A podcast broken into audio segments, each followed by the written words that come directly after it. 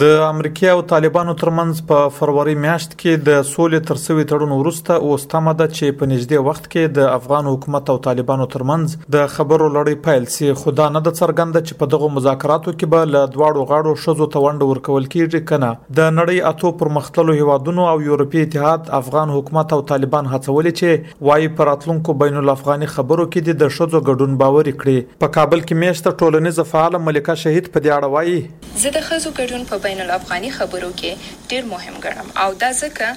چې ښځو په دې تېرو شل کلنو جګړو کې ډېرې قربانیانې ورکړي او ډېر ځپل شوي دي، دوی کونډې شوي دي، دوی وراره شوي دي، بورې شوي دي، که نن موږ داسې خویندې ګورو چې د سرک په سر ناستې دي او سوال کوي نو یو علت یې دا دی چې دوی خپل نفقه راوړونکي په دې جګړې کې د لاسه ورکړي لذا باید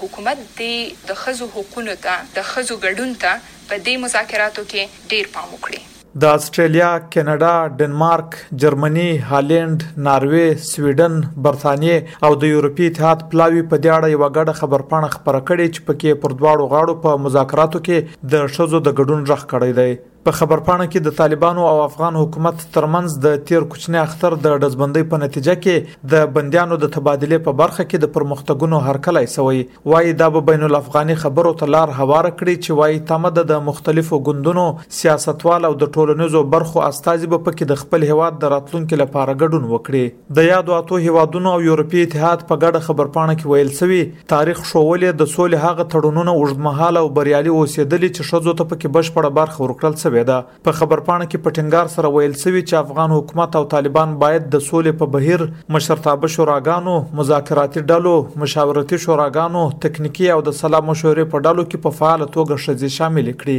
دا خبرپاڼه د افغانستان لپاره د سویډن سفیر کیرولین ویسینی د زیارت یا پنځشنبه په ورځ پر ټویټر خبره کړې چې پکې د جنسي برابرۍ لپاره په مذاکراتو کې د نارینه او پر کردار هم ټینګار شوی دی د خبرپاڼې په یو برخه کې ویل شوی د افغانستان په آئین یا اساسي قانون کې چې افغان او شذو ته کوم حقونه ورکړل شوی هغه ضرور باید د سولې بهیر د یوې برخې په توګه خوندي او پیاوړي شي چې په هغه کې شذو ته د کار کولو تعلیم، د تګ راتګ او غونډو او علاج ته د رسایي حقونه شامل دي. یورپي اتحاد او د نړۍ نورو اتو هیوادونو په بین الافغاني مذاکراتو کې د ښځو پر فعال ګډون ځکه ټینګار کړی چې په افغانستان کې سیاسي او د بشري حقونو فعالان له اوږدې مودې دا اندېښنه لري چې هسې نه له طالبانو سره د سولې په خبرو کې پر ځینو بشري حقونو خصوصا د ښځو پر حقونو سودا وشي دا چې دا اندېښنې څومره پر ځای دي افغانه فعاله ملکه شهید وایي زه اوس هم دا ګڼم چې د طالبانو په فکر کې څه بدلون نه دی راغلی، لکه څنګه چې د طالبانو رژیم پر مهال د ښځو